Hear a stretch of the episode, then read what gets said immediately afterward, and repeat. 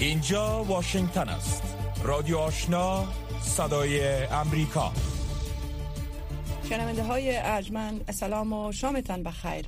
لیلوما حبیب عظیمی هستم با همکار ما رویا زمانی در برنامه خبری شام شنبه معرخ 20 ماه آگست سال 2022 میلادی با تقدیم اخبار و گزارش های شامگاهی از امواج رادیو آشنا صدای امریکا.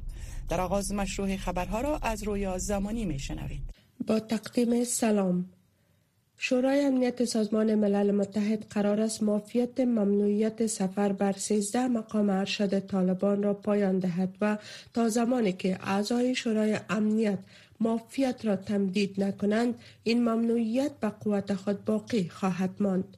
چین و روسیه خواستار تمدید این مافیات شده و ایالات متحده امریکا خواسته است تا فهرست مقامات مجاز برای سفر و کشورهایی که می توانند با آن سفر کنند کاهش یابد.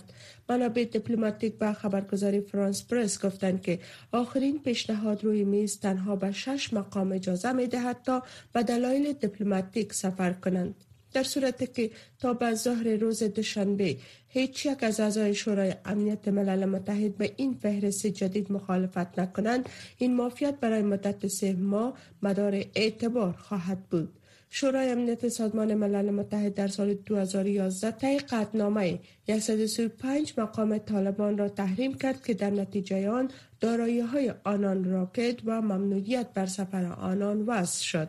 اما سپس ممنوعیت سفر 15 تن از اعضای ارشد طالبان معاف شد تا بتوانند با مقامات کشورهای دیگر در خارج از آن کشور ملاقات کنند. طالبان می‌گویند که برای تقویت روابط تجاری متقابل و تشویق سرمایه گذاری در افغانستان در حال مذاکره با مقام های روسی و شرکت های خصوصی در این کشور هستند.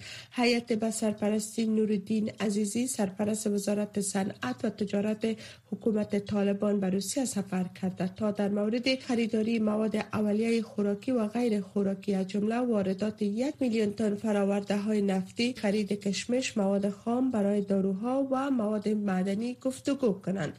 رسانه های روسی به نقل از آقای عزیزی گفتند که افغانستان به 4 میلیون تن نفت نیاز دارد که بخش آن هم اکنون از کشورهای همسایه وارد می شود. مقامات روسی گفتند که هیئت افغان درباره واردات سایر محصولات ضروری از جمله گندم و گل آفتاب پرست نیز گفتگو کردند.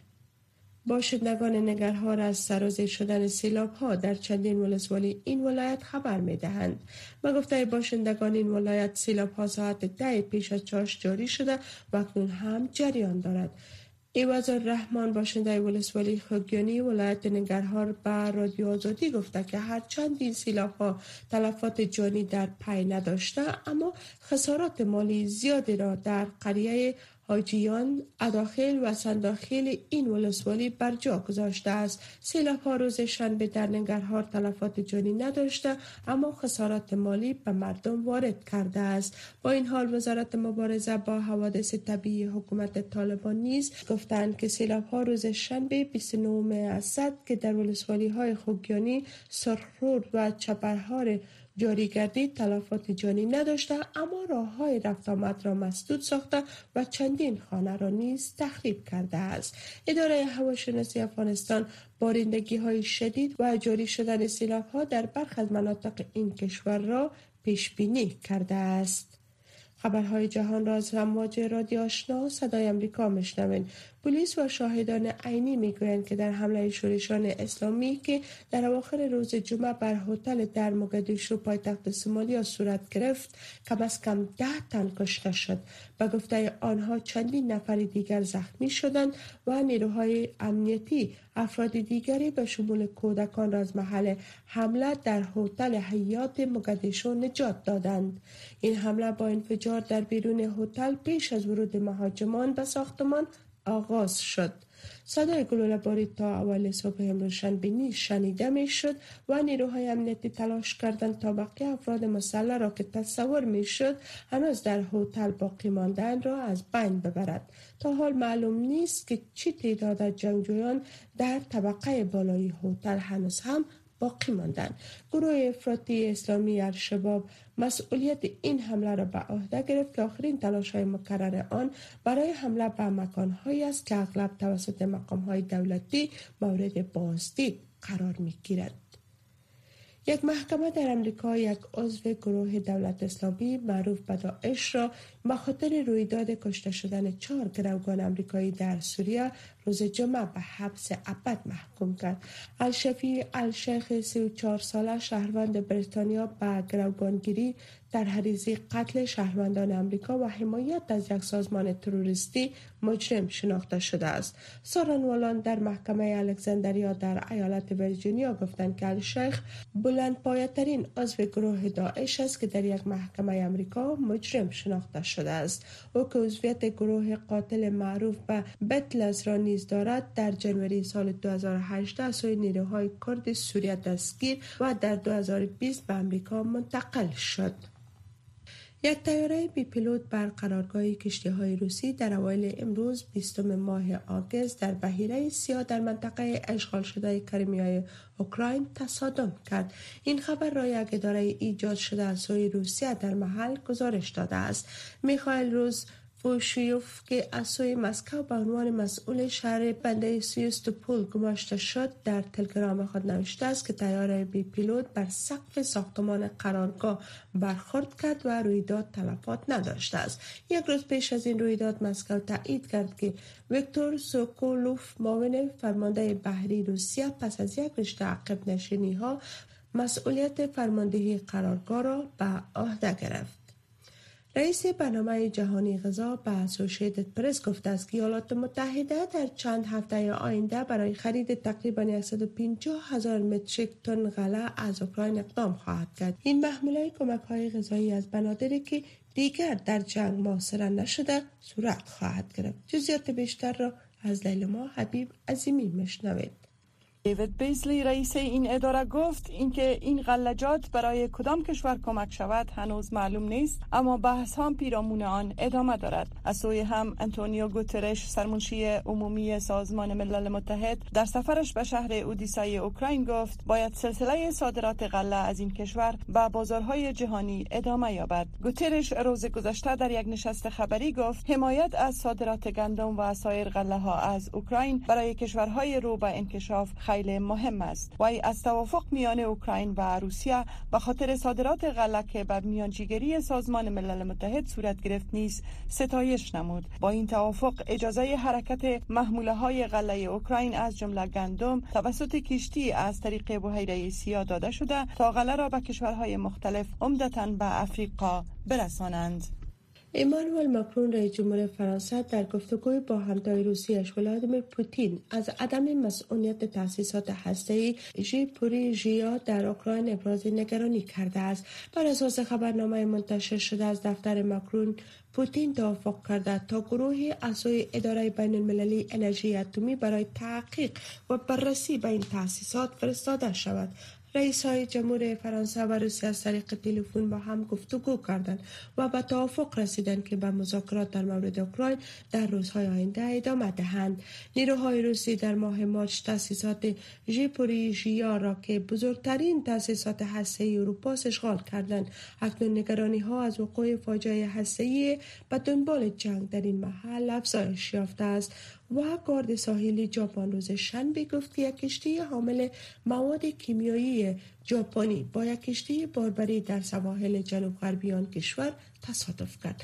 از جمله شش حمله ژاپنی سوار بر کشتی ریشو مینورو ژاپنی و چهارده خدمه چینی سوار بر کشتی باربری به نام شینهای 99 هیچ یک زخمی نشده است. مقام ها گفتند که تیلی که از کشتی باربری آغاز به درس کردن و بیرون کرد که اصلا منجر به غرق شدن کشتی می شد تحت کنترل درآورده شده است. شنونده های محترم این بود.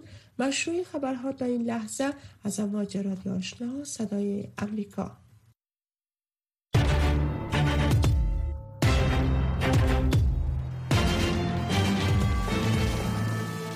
روکو راست صحبت های داغ صاحب نظران و نظریات شنوندگان در مورد خبرها و مسائل روز هر شام از ساعت 8 تا 9 شب در برنامه مشترک دری و پشتوی رادیو آشنا صدای امریکا.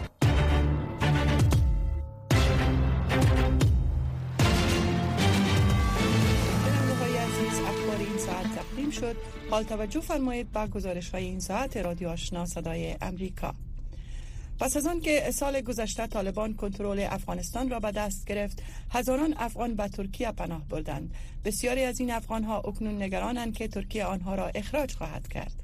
گزارش را در این مورد از حمیدالله حمیدی میشنوید محمد بابا یک تن از هزاران افغانی است که از سال 2019 بدین سو به طور غیر قانونی وارد ترکیه شده و در اینجا در جستجوی یک زندگی بهتری می باشد.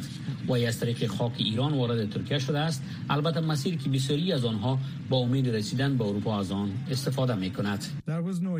اقتصاد خوب نبود کار نبود هیچ چیز دیگری وجود نداشت. چهل سال جنگ بود هیچ چیزی به ما باقی نمانده. در افغانستان هیچ چیزی نیست. به خاطر کار اینجا آمدیم. می‌خواستم تا از طریق ترکیه به آلمان بروم ولی نتوانستم و در ترکیه ماندم.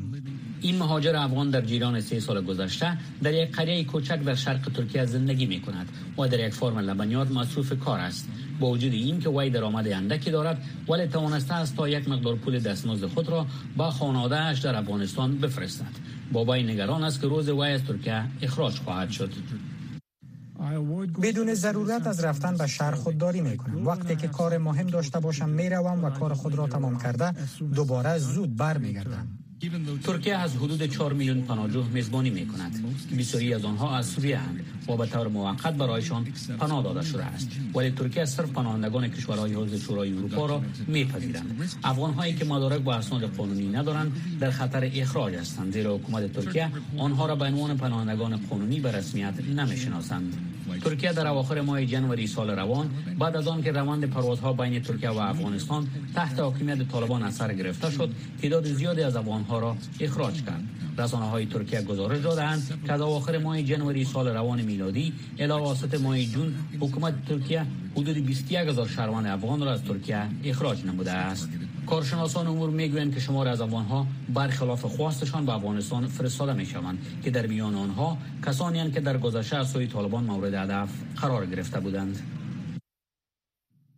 شکایت را دریافت کرده ایم کانادا افغان هایی که در مراکز اخراج به سر می‌برند آنها را مجبور به امضای اسناد اخراج می کنند این موضوع زمان مورد تایید ما قرار گرفت که ما به این مراکز رفته بودیم و با اتباع خارجی مصاحبه کردیم. در آسانه برگزاری انتخابات پارلمانی و ریاست جمهوری سال آینده موضوع اخراج مهاجرین از ترکیه به یک موضوع سیاسی مهم مبادل شده است. گروه های از عذاب مخالف در ترکیه وعده دادند که حدود 4 میلیون پناهجو را که در این کشور به سر می‌برند اخراج خواهند کرد. که از جمله آنها 3.7 میلیون تن آنها پناهجویان از سوریه می باشند که همکنون تحت برنامه حمایت موقت در ترکیه زندگی دارند. بابایی می‌گوید که او تحت حکومت طالبان نمی‌خواهد به افغانستان دوباره برگردد زیرا زمینه کار برای او در آنجا مهیا نیست. و همچنان می‌گوید که حکومت ترکیه نباید پناهجویان افغان مانند وی را اخراج کنند. در میان افغان ها افراد خوب و بد وجود دارند. آنها کسانی را که کار نمی کنند باید برگردانند و کسانی را که کار می کنند بگذارند که کار کنند. هیچ مشکل نیست و این کار به فایده ترکیه است. می خواهم که در اینجا کار کنم زیرا در وطن ما جنگ است. پس از تسلط طالبان همه مردم مجبور به فرار شدند هیچ چیزی در آنجا وجود ندارد و ما نمی توانیم به آنجا برویم. این در حال است که حکومت ایران نیز اخیرا روند اخراج مهاجرین غیر قانونی افغان را از آن کشور شدت بخشیده است بر اساس گزارش کمیشنری عالی ملل متحد در امور مهاجرین پیش سقوط کابل و دست طالبان 3.4 میلیون شهروند افغانستان در ایران زندگی می کردند که نزدیک به دو میلیون آن مهاجر غیر قانونی اند. شنوندگان گرامی رادیو آشنا صدای امریکا نشرات رادیو آشنا را در موج متوسط 1296 موج کوتاه 11575 اشاری سفر و در موج 972 کیلوهرتز شنیده می توانید. در ادامه گزارش های این ساعت رادیو آشنا پس از سقوط رژیم جمهوریت و به قدرت رسیدن طالبان در افغانستان صدها هزار افغان مجبور به ترک کشورشان شدند. افغانهایی که پس از به قدرت رسیدن طالبان از افغانستان فرار کرده اند اکثریتشان افراد مسلکی دانش آموختگان علوم معاصر و تکنولوژی و نخبگان افغانستان گفته شده اند با باور کارشناسان مهاجرت این موج بزرگ نیروی انسانی تأثیرات فوقالعاده مخرب را برای آینده افغانستان در بر خواهد داشت. با گزارش در این زمینه از فوزیه احسان توجه فرمایید. تعدادی از تحلیلگران و مقامات قبلی سفارت امریکا در کابل سرمایه گذاری های امریکا در عرصه توسعه ظرفیت بشری در افغانستان را بسیار بزرگ اما برباد رفته می دانند. و باور عباس کاموند سخنگوی سابق سفارت امریکا در کابل فرصتی که در زمینه توسعه نیروی بشری بعد از سال 2001 میلادی در افغانستان با وجود آمد در تاریخ آن کشور بی‌نظیر بوده است. سرمایه گذاری ها همه جانبه بود وسیع بود و خیلی هم هنگفت بود. شاید یک, یک رقمی دقیق هنوزم فکر می‌کنم وجود نداره ولی تخمین ها نیست که در تمام ساحات چی در ساحه نظامی اقتصادی سیاسی دولت سازی و زیربناها ایالات متحده آمریکا مصارف ایالات متحده آمریکا به شمول مصارف نظامیش در حدود دو تریلیون دلار می‌رسه. اما در نتیجه خروج نیروهای بین المللی در رأس آن ایالات متحده امریکا از افغانستان در 15 ماه اگست سال 2001 میلادی و به قدرت رسیدن گروه طالبان صدها هزار افغان تحصیل کرده مسلکی و با تجربه در عرصه علوم معاصر و تکنولوژی مجبور به ترک افغانستان شدند. و باور آقای کاموند احیای دوباره این نیروی بشری در افغانستان در آینده نزدیک متصور نیست. ظرفیت های عظیم انسانی بشری در افغانستان ایجاد شده بود و داشت سریعا رشد می‌کرد. ولی متاسفانه همش برباد رفت و احیایش هم احیای دوباره از او کار آسانی نیست.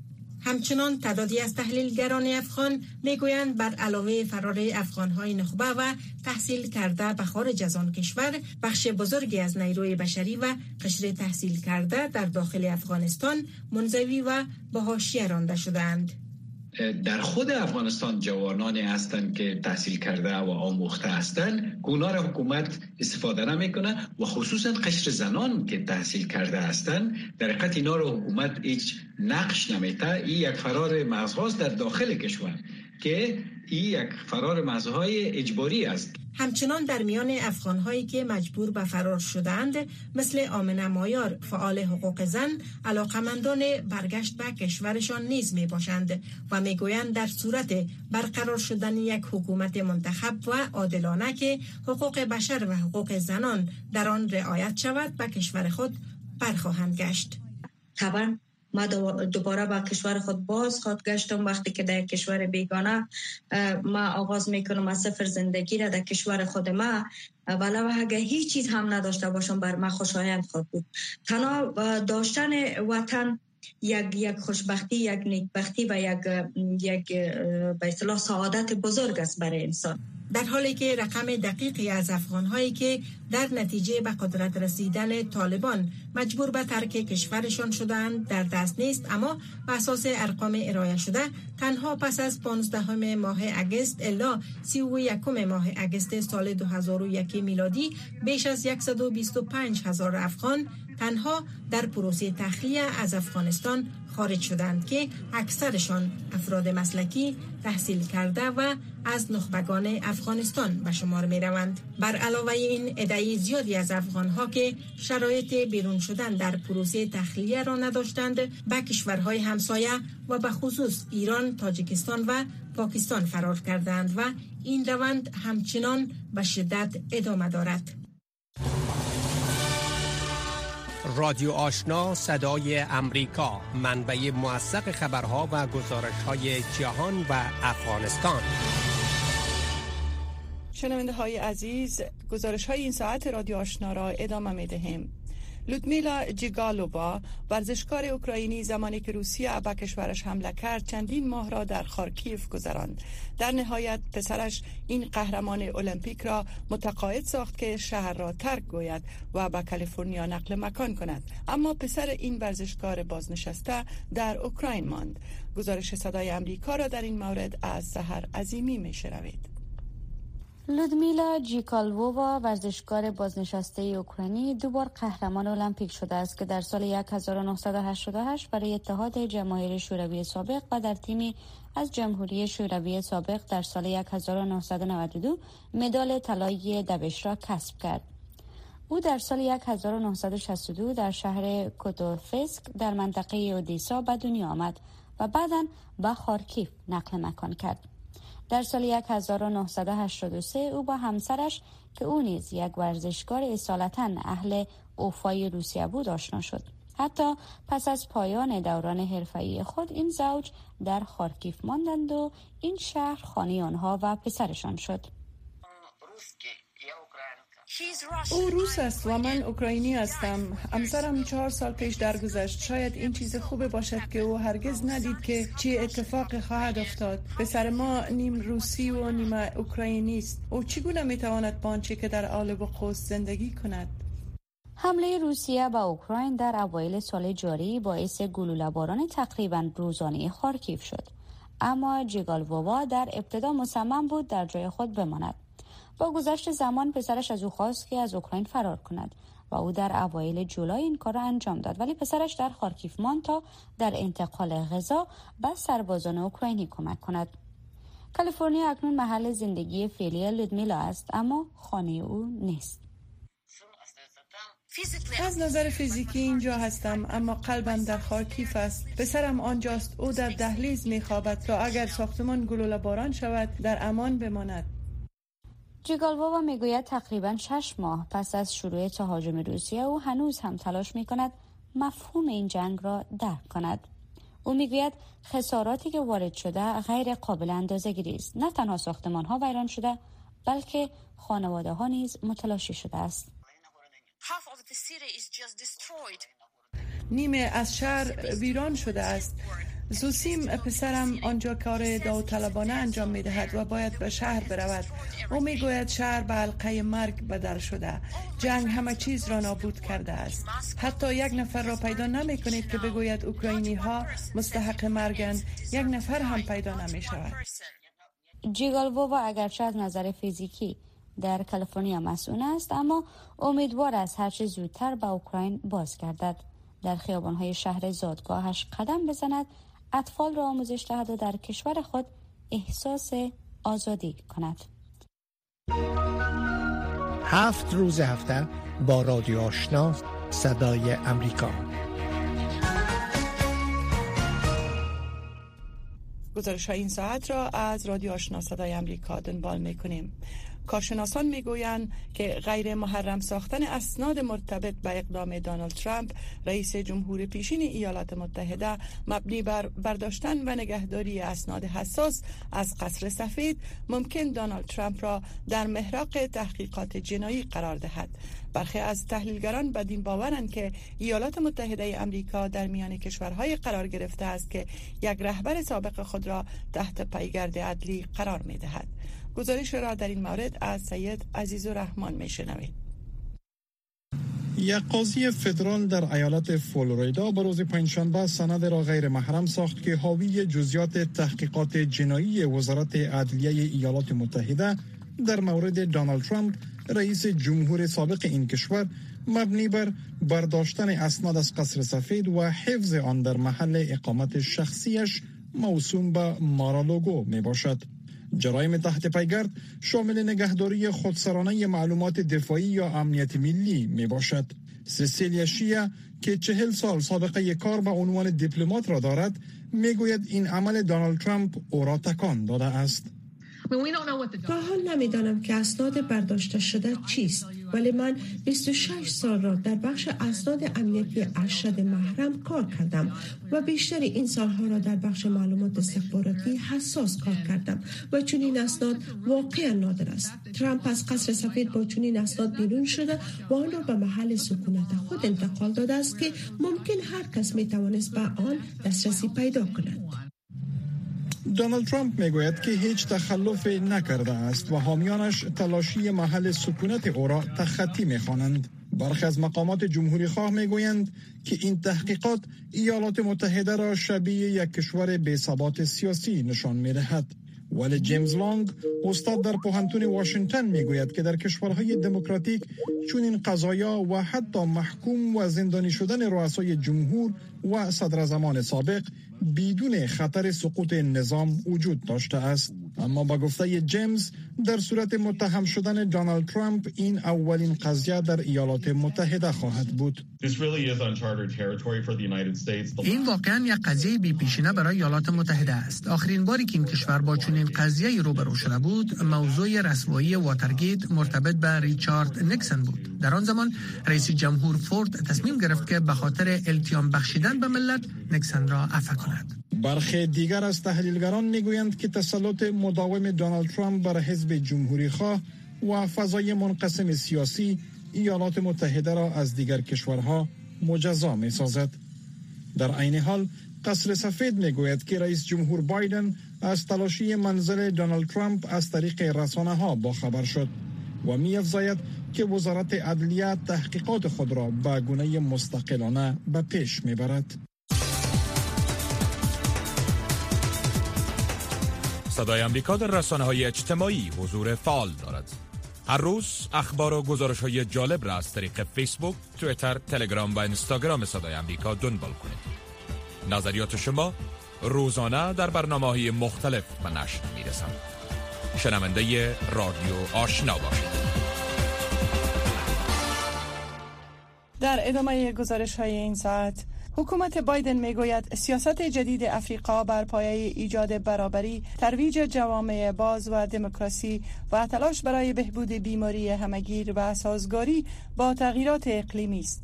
وزیر امور خارجه ایالات متحده در سفر اخیر خود از این اهداف و روابط جدید بین ایالات متحده و بیش از 50 شریک آن در این قاره یادآوری کرد. آنیتا پال خبرنگار صدای امریکا از واشنگتن گزارش در این رابطه دارد که عبدالواجد عادل آن را به توجه می رساند. بالاخره برابری همان چیزی است که استراتژی بازنگری شده جو بایدن رئیس جمهور ایالات متحده در افریقا به این سریعترین قاره در حال رشد وعده می دهد. انتونی بلینکن وزیر خارجه ایالات متحده در سفر طولانی هفته گذشته خود به افریقا این موضوع را به این ترتیب خلاصه کرد. ما بیش از هر چیز به دنبال یک شراکت واقعی بین ایالات متحده و افریقا هستیم. ما خواهان یک رابطه نامتعادل یا معاملاتی نیستیم و تعهد ما به مشارکت قویتر با افریقا تلاش برای پیشی گرفتن از دیگران نیست. اما ناظران افریقا می‌گویند که دو کشور بزرگ در اینجا جلوگرند. چین که ابتکار زیربنایی کمربند و جاده آن از قاره عبور کرده است و روسیه که وزیر خارجه آن نیز اخیرا در بازدید در این قاره حضور داشت تا پیوندهای قدیمی دوران پس از آزادی را به کشورهای افریقایی یادآوری کند. کریستین مکی از پانتون سنت لارنس می‌گوید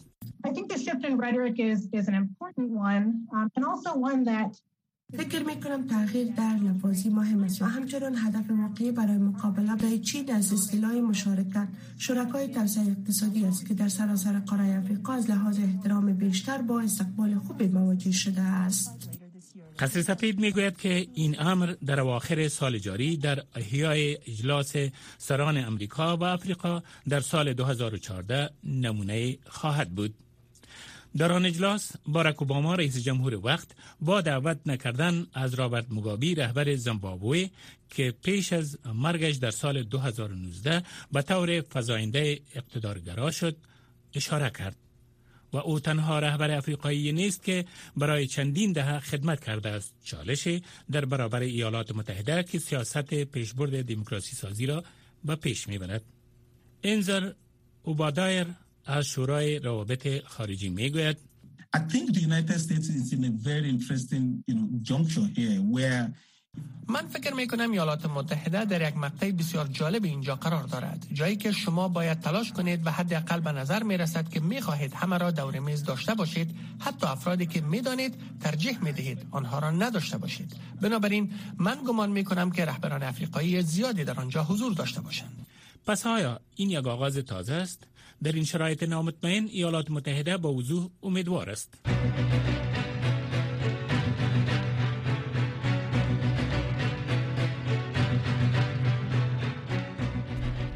شنونده های ارجمند برنامه خبری دری در شامگاه 20 ماه آگست 2022 میلادی از امواج رادیو آشنا صدای امریکا.